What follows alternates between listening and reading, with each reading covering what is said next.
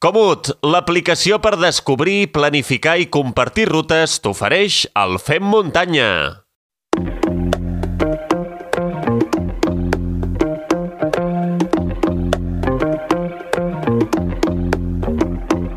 I avui en la nostra muntanya de llibres arribem ja al número de la mala sort o de la bona sort, eh? depèn de com es miri. Llibre número 13 que col·loquem a la nostra prestatgeria del Fem Muntanya i com sempre qui ens porta aquest 13 eh, llibre és el Marc Cornet. Hola Marc, com estàs? Bones, Xavi, què tal? Espero que estigueu tots bé. Ja sé que, que som a l'estiu, que fa molta calor, però el llibre que us porto avui, diguem que ens traslladarà a l'hivern, a l'època de neu, de fred i també a la major tragèdia de muntanya que s'ha viscut mai al nostre país, a Catalunya. Parlaves del número 13, Xavi, doncs en el cas d'avui hauríem de dir que és un número de mala estrugança, de mala sort, de, en aquest cas un fat fatídic. Sempre parlem de la muntanya des d'un punt de vista positiu, de les gestes, de les grans ascensions, però avui realment toca fer-ho d'un episodi esfereïdor que posa els pèls de punta. Pel que dius, eh, Marc, avui tocarem consciències i també serem conscients, més conscients que, que mai, eh, dels perills que comporta el medi natural. Així és, Xavi, perquè enguany es compliran 22 anys del pitjor accident de muntanya que recorda el Pirineu català. Avui us porto llibre Tres nits de torp i un cap d'any, crònica de la tragèdia del Balandrau, escrit pel meteoròleg Jordi Cruz i de Símbol Editors. I si no recordo malament, un total de 9 persones eh, van perdre, desgraciadament, la vida en uns dies fatídics. Així és, Xavi. De fet, el 30 de, de desembre de l'any 2000, diversos grups d'excursionistes es disposaven a fer el cim del Balandrau, la majoria d'ells o amb raquetes o amb esquís de muntanya. Volien assolir, de fet, els 2.585 metres d'aquesta muntanya situada a la comarca del Ripollès, entre set cases i Caralps, una muntanya bonica, per cert, i un cim sense cap mena de complicació tècnica. Tampoc a l'hivern, eh? de l'estiu encara menys, sempre i quan les condicions meteorològiques, això sí, eh, siguin les més adients. El relat de Jordi Cruz, l'autor del llibre, podem dir que és intens i també entrem en la pell de les víctimes. Notem el vent, la neu, la baixada brusca de les temperatures en la pròpia pell, com si nosaltres en fóssim els protagonistes. No? El Jordi, de fet, com deia abans, meteoròleg de professió, ens atrapa amb una prosa àgil i viva que ens fa passar pàgina rere pàgina per conèixer el destí tràgic destí molt tràgic, de fet, de la majoria de protagonistes. Diversos grups eh, de muntanya, muntanyencs, es van trobar atrapats en aquesta situació, sobretot al voltant del cim del Balandrau, una situació extrema i més tenint eh, en compte eh, que estaven a punt del cap d'any, estaven eh, doncs, eh, amb dies de vacances, de descans i gaudint de, de la muntanya abans de celebrar el canvi d'any. Un dels pocs supervivents, eh? Josep Maria Vilà, formava part d'un d'aquests grups, de fet, amb quatre amics més, entre els quals hi havia la seva parella, es van cansar els esquís de muntanya per arribar fins al Balandrau. Feia sol, un dia perfecte, les condicions meteorològiques podem dir que eren ideals i res feia presagiar en un canvi brusc del temps. Ell, de fet, va ser l'únic supervivent d'aquest grup de cinc excursionistes a TV3 a la carta, per exemple, podeu trobar el reportatge també d'aquesta tragèdia en què ell n'és protagonista i, de fet, que està molt ben fet. Eh?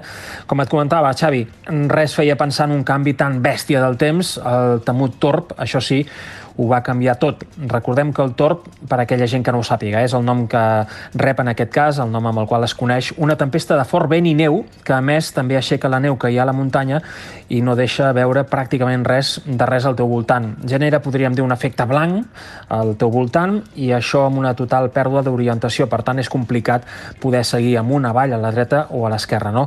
He viscut en el meu cas, eh, en la pròpia pell, alguna jornada de torpa a Vallter 2000 i us puc ben assegurar que és una de les pitjors coses que et poden passar a la muntanya. Seguim, però, amb, amb aquesta història, amb aquest relat, perquè el Torb, com deia, es va convertir en protagonista principal d'aquesta tragèdia que escrivia una pàgina negra, molt negra, de fet, eh? perquè va bufar amb vents, aquest Torb, atenció, de més de 100 km per hora i fins i tot es va registrar alguna ràfaga de 138 km per hora, una autèntica bestiesa. I això m'imagino que va fer baixar sensiblement la temperatura i més estan eh, per sobre dels 2.000 metres d'alçada. Molt, moltíssim, perquè a eh, més el descens de la temperatura, també el pitjor podríem dir que va ser el canvi extrem, tan sobtat. Un dels amics del Josep Maria Vilà, per exemple, va assolir el cim del Balandrau en màniga curta, pel bon temps i també per l'esforç fent l'esquí de muntanya. Doncs bé, en menys d'una hora atenció, eh? en menys d'una hora la temperatura va baixar en més de 20 graus i, de fet, degut a les forces ràfegues de vent, es van assolir extrems d'una sensació tèrmica que en alguns experts, en aquest cas, han situat sobre els menys 30 graus negatius. A més, també les acumulacions de neu fresca que hi havia a la zona, fruit de les nevades de dies anteriors, d'una llevantada, doncs van acabar sent també un butxí indirecte. I és que el torb, com et deia, va aixecar tota aquesta neu, transportar-la molts metres més enllà i generant verdaderes acumulacions doncs, de neu més nova, més verge, pràcticament insalvables per a tots els supervivents de tots aquests muntanyencs. No? El torb, per tant, va reduir tant la visibilitat que, per exemple, fins i tot els costava de veure els seus propis esquís. Amb tot això es va generar una situació ideal per a una tempesta perfecta, una tempesta perfecta que va tenir doncs, unes conseqüències tràgiques, nou persones mortes en quatre dies al Balandrau, uns dies en què els serveis d'emergència no van parar de treballar, tot i les grans dificultats que tenien en aquest cas degut al mal temps. En aquest sentit, el llibre del Jordi Cruz, repeteixo, eh, Tres nits de torb i un cap d'any, crònica, en aquest cas, de la tragèdia del Balandrau, no és només un advertiment per tots els que fem muntanya, també pretén ser, en certa manera, doncs, un homenatge als bombers que van estar implicats en la recerca d'aquells excursionistes, a més també de ser, lògicament, un homenatge escrit a les pròpies víctimes. I a més, ara que parlaves de que no es veien els esquís ni s'escoltaven entre ells estan un al costat de l'altre. Eh? Es, es fa difícil difícil la comunicació entre eh, companys eh, d'excursió, de, d'aventura. Es podrien eh, tornar a repetir aquelles mateixes circumstàncies, suposo, no? meteorològiques, perquè en, en què l'evolució de la tecnologia i les prediccions és cada cop més acurada, però el torb encara costa uh mhm. -huh. una miqueta de, de predir. Uh -huh. De fet, el, el propi autor, el propi Jordi Cruz, eh, ho explica en el llibre, no? Diu que es van donar tots els elements perquè aquesta tempesta perfecta prengués cos. Si podia tornar a passar? Doncs sí, Tanmateix, la tecnologia actual ens permet fer prediccions més acurades, més precises, però sempre hem de tenir en compte que quan anem a l'alta muntanya doncs tot és possible eh? i les condicions del temps poden variar molt més ràpid del que ens puguem imaginar, quedant exposats en aquest cas a situacions realment perilloses. En qualsevol cas, i totes les víctimes del Balandrau hi anaven, sempre hem d'anar ben equipats i també portar el material necessari i adequat per l'activitat que desenvolupem en el medi natural. No? Pensa, Xavi, per exemple, que el torb va arribar a ser tan intens que va bufar doncs amb aquests més de 100 km per hora, però ho va fer, atenció, durant 12 hores. Això Déu és una autèntica bestiesa, eh? és una barbaritat.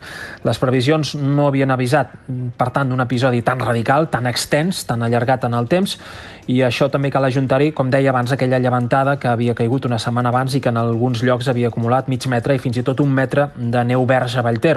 Una neu que, com explica el propi Jordi Cruz, no es va compactar i, per tant, el propi Torp la va fer volar pels aires com si fos neu nova, com si generés aquest efecte doncs, invisible de neu al teu voltant, d'efecte blanc. No?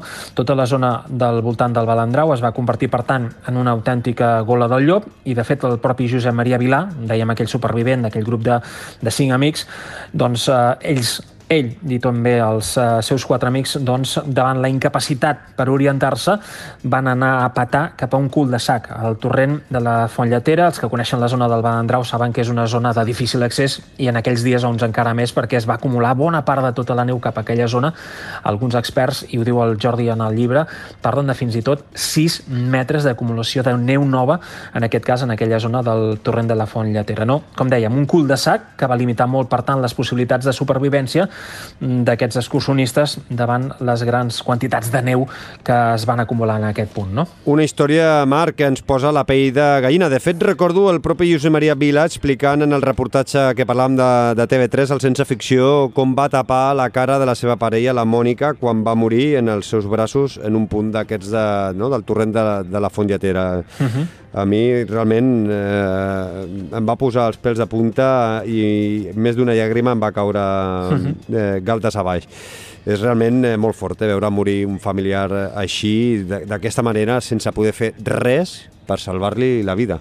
De fet, el reportatge és, és brutal, et traspassa la pell i el llibre també, eh? Jo soc molt, potser més de llegir que de veure reportatges, però t'he de dir que crec que en aquest cas sí el documental, el reportatge de TV3, doncs està a l'alçada del que escriu també el, el Jordi Cruz. No? Abans d'acabar, també m'agradaria ressaltar, Xavi, una de les frases, eh? com sempre en aquest cas m'agrada fer del Jordi Cruz, en aquest llibre que us portem avui, recordo, tres nits de tort i un cap d'any crònica de la tragèdia del Balandrau.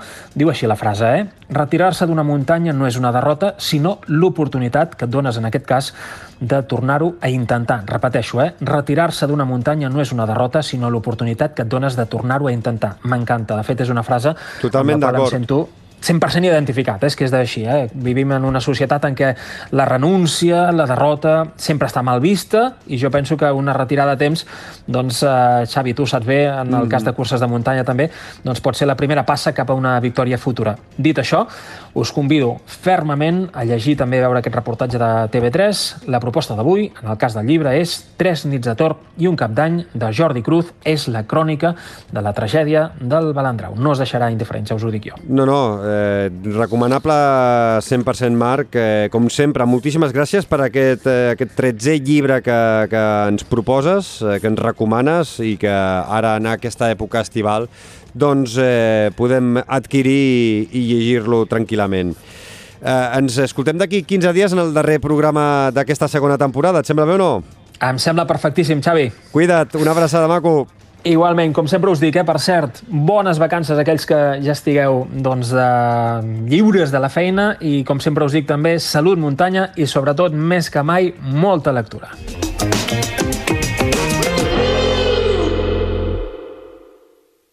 Comut, l'aplicació per descobrir, planificar i compartir rutes t'ha ofert el Fem Muntanya.